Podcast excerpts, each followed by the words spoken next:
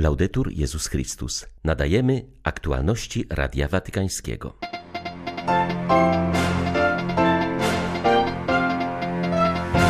Papież nadał status Stowarzyszenia Wiernych o charakterze międzynarodowym Panamerykańskiemu Komitetowi Sędziów dla Sprawiedliwości Społecznej i Doktryny Franciszkańskiej.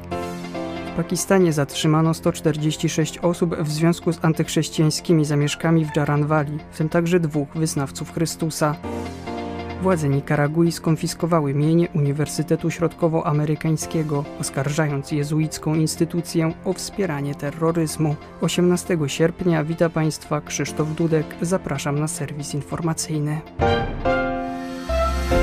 Decyzją papieża Franciszka Panamerykański Komitet Sędziów dla Sprawiedliwości Społecznej i Doktryny Franciszkańskiej otrzymał status Stowarzyszenia Wiernych o charakterze międzynarodowym. To zwieńczenie wieloletniego procesu rozwoju, który miał początek w Buenos Aires. W ciągu kilku lat organizacja zrzeszająca sędziów dotarła do Chile, Kolumbii, Peru, Brazylii czy Stanów Zjednoczonych. Jej celem jest ochrona i promocja sprawiedliwości społecznej w sądownictwie. Papież w dokumencie ustanawiającym nowe Stowarzyszenie Wiernych przypomina, że to w jego obecności organizacja rozpoczęła działalność jako Komitet Panamerykański. Taką decyzję podjęło 120 sędziów z obu Ameryk w Watykanie w czerwcu 2019 roku. Przez kolejne lata ciało to organizowało konferencje międzynarodowe oraz wydawało wskazania w kwestii promocji sprawiedliwości społecznej. W dokumencie Franciszek zatwierdził również powstanie Instytutu Badań i Promocji Sprawiedliwości Społecznej imienia ojca Bartolomé de las Casas dla celów dydaktycznych i akademickich. Temat waszego spotkania, ludzka egzystencja to niewyczerpana przyjaźń, brzmi odważnie, gdyż idzie pod prąd współczesnych tendencji, pisze papież w specjalnym przesłaniu na 44. meeting przyjaźni między narodami. Wskazuje, że to największe spotkanie katolików świeckich we Włoszech od zawsze było miejscem przyjaźni i starało się otwierać drogi pokoju. W tegorocznej edycji meetingu wezmą udział m.in. prezydent Włoch Sergio Mattarella czy przewodniczący włoskiego episkopatu kardynał Matteo Zuppi. Przesłanie papieskie zostało przekazane za pośrednictwem watykańskiego sekretarza stanu. Franciszek zaznacza w nim, że pojawia się obecnie rodzaj epidemii wrogości. Jednocześnie współczesność została naznaczona przez indywidualizm i obojętność. Nie da się wyjść z tej sytuacji tylko własnymi siłami, podkreśla papież. Sama Ewangelia uczy nas, że dla ocalenia człowieka było konieczne, by inicjatywę przejął Bóg. Dlatego właśnie Ojciec posłał na ziemię swego Syna. Jezus objawił się zaś jako nasz przyjaciel. Duch Chrystusa zmartwychwstałego pogrzebał samotność, dając człowiekowi swoją przyjaźń jako czystą łaskę, podkreśla Franciszek. Dodaje, że Jezus ustanowił prawo przyjaźni, dlatego też wzywa chrześcijan i wszystkich ludzi dobrej woli, aby nie pozostawali głusi na wołanie, które wznosi się do Boga i naszego świata. Przemówienia nie wystarczą, zamiast tego potrzebne są konkretne gesty i wspólne wybory, które budują kulturę pokoju tam, gdzie żyje każdy z nas, podkreśla Ojciec Święty. 146 osób zostało zatrzymanych przez siły porządkowe w następstwie antychrześcijańskich zamieszek w środę w Jaranwali na przedmieściach Faisalabadu w Pakistanie. Tłum rozwścieczony znalezionymi ponoć w okolicy wyrwanymi kartkami Koranu z uznanymi za bluźniercze dopiskami wkroczył do części miasta zamieszkanej przez wyznawców Chrystusa, niszcząc i paląc Biblię, meble, wszelkie mienie. Bilans miejsc kultu, które ucierpiały wzrósł już do 21. Ponadto zaatakowano także jeden cmentarz. Wśród zatrzymanych, jak podaje dziennik Avvenire, znalazło się także dwóch chrześcijan oskarżonych o dokonanie świętokradczego aktu na świętej księdze islamu. Amir i Raki Masih mieli sprofanować Koran, obrazić proroka i muzułmanów, jak podaje oficjalny nakaz aresztowania. Policja zabrała ich wieczorem po atakach. W Pakistanie obowiązuje bowiem niezwykle surowe prawo o bluźnierstwie przewidujące śmierć za znieważenie świętej księgi islamu lub proroka tej religii. Często wystarcza samo oskarżenie, aby spowodować brutalne samosądy. Zgodnie z oficjalnymi danymi ponad 600 osób ma zostać przesłuchanych w sprawie zajść w Jaranwali. To bardzo bolesna sytuacja, mówi Radiu Watykańskiemu Pal Bhatti, chrześcijański polityk i były pakistański minister do spraw mniejszości. Zniszczyli kościoły, spalili Biblię, zrujnowali domy lokalnej społeczności chrześcijańskiej. Na szczęście przynajmniej do tej pory nie odnotowano śmierci nikogo, ani też poważnych obrażeń, ponieważ wyznawcy Chrystusa opuścili swoje domy, widząc co się dzieje. Ale to bardzo bolesne. Ci ludzie żyją tam bardzo ubogo, na marginesie i musieli zostawić wszystko oraz uciekać, by uratować życie. Służby nie były w stanie zapanować nad sytuacją, bo było ich tak niewiele w porównaniu z tłumem. Chcieliśmy wielokrotnie uchylić przepisy o bluźnierstwie. W tej sytuacji one nie są nawet przestrzegane, bo gdyby tak było, to ludzie zgłosiliby wydarzenie na policję, a ta przekazałaby sprawę do wymiaru sprawiedliwości. Przez większość czasu chrześcijanie są oskarżani i wsadzani do więzienia, a ludzie, którzy prowokują i wymierzają sprawiedliwość na własną rękę, zawsze pozostają bezkarni.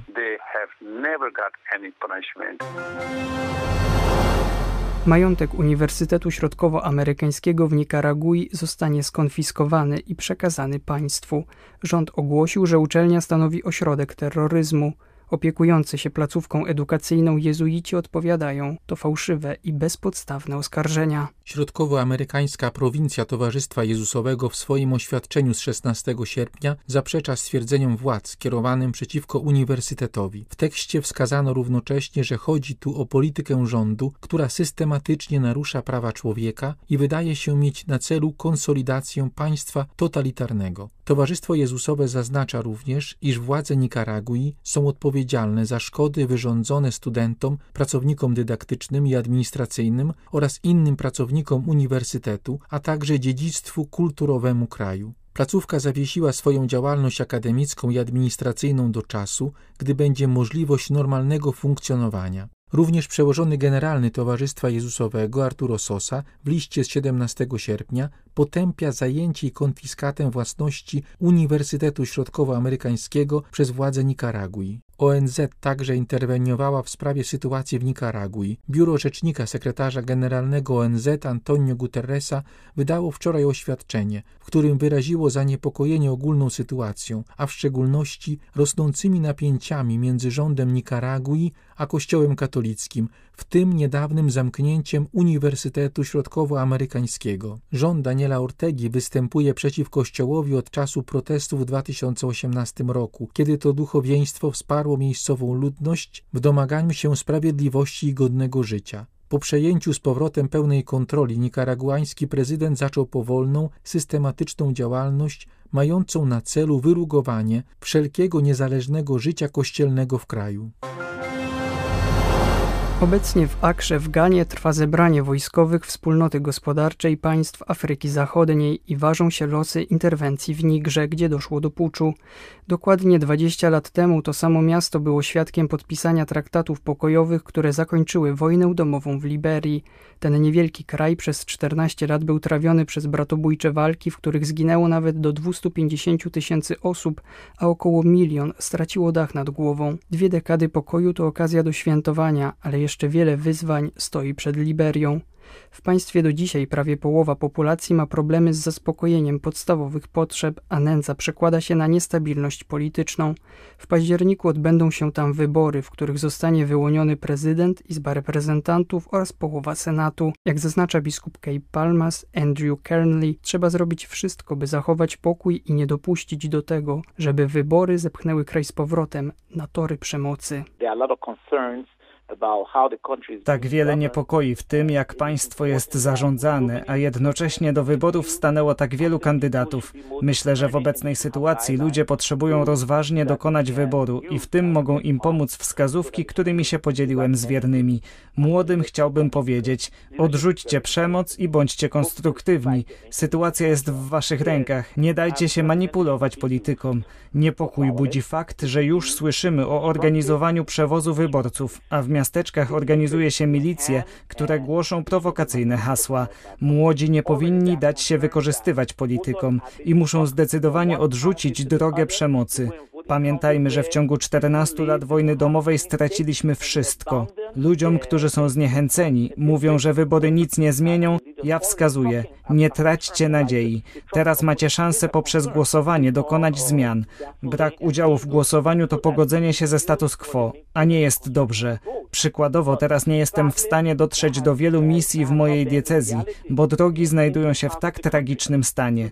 Płacimy więc podatki, które powinny zostać użyte na utrzymanie dróg, ale niestety w wielu miejscach tak się nie dzieje.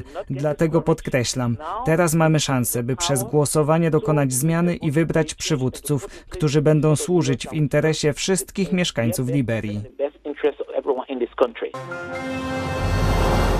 Słoweńcy cierpią z powodu najbardziej katastrofalnej powodzi w historii kraju. Kataklizm na początku sierpnia zniszczył dwie trzecie terytorium Słowenii.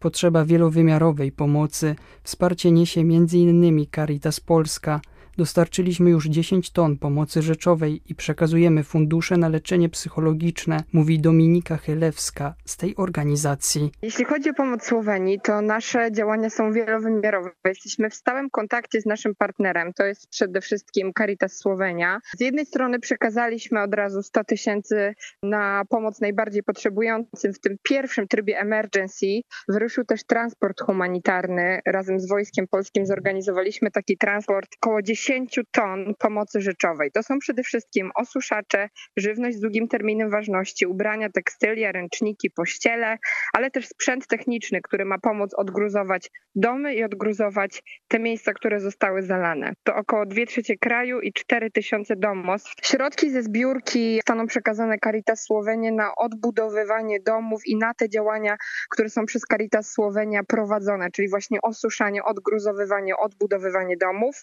Wiemy, Wiemy też, że pojawiła się już teraz potrzeba pomocy psychologicznej, co jest bardzo ważnym aspektem, dlatego że ludzie stracili dorobek swojego życia, są w traumie. Wiemy, że już Caritas Słowenia uruchomiła taką pomoc. Każdy, kto potrzebuje, może zadzwonić do osoby wspierającej i z nią porozmawiać. Człowiek w tak trudnej sytuacji też potrzebuje wsparcia psychologicznego, no i na pewno wsparcia duchowego e, i to staramy się zapewnić.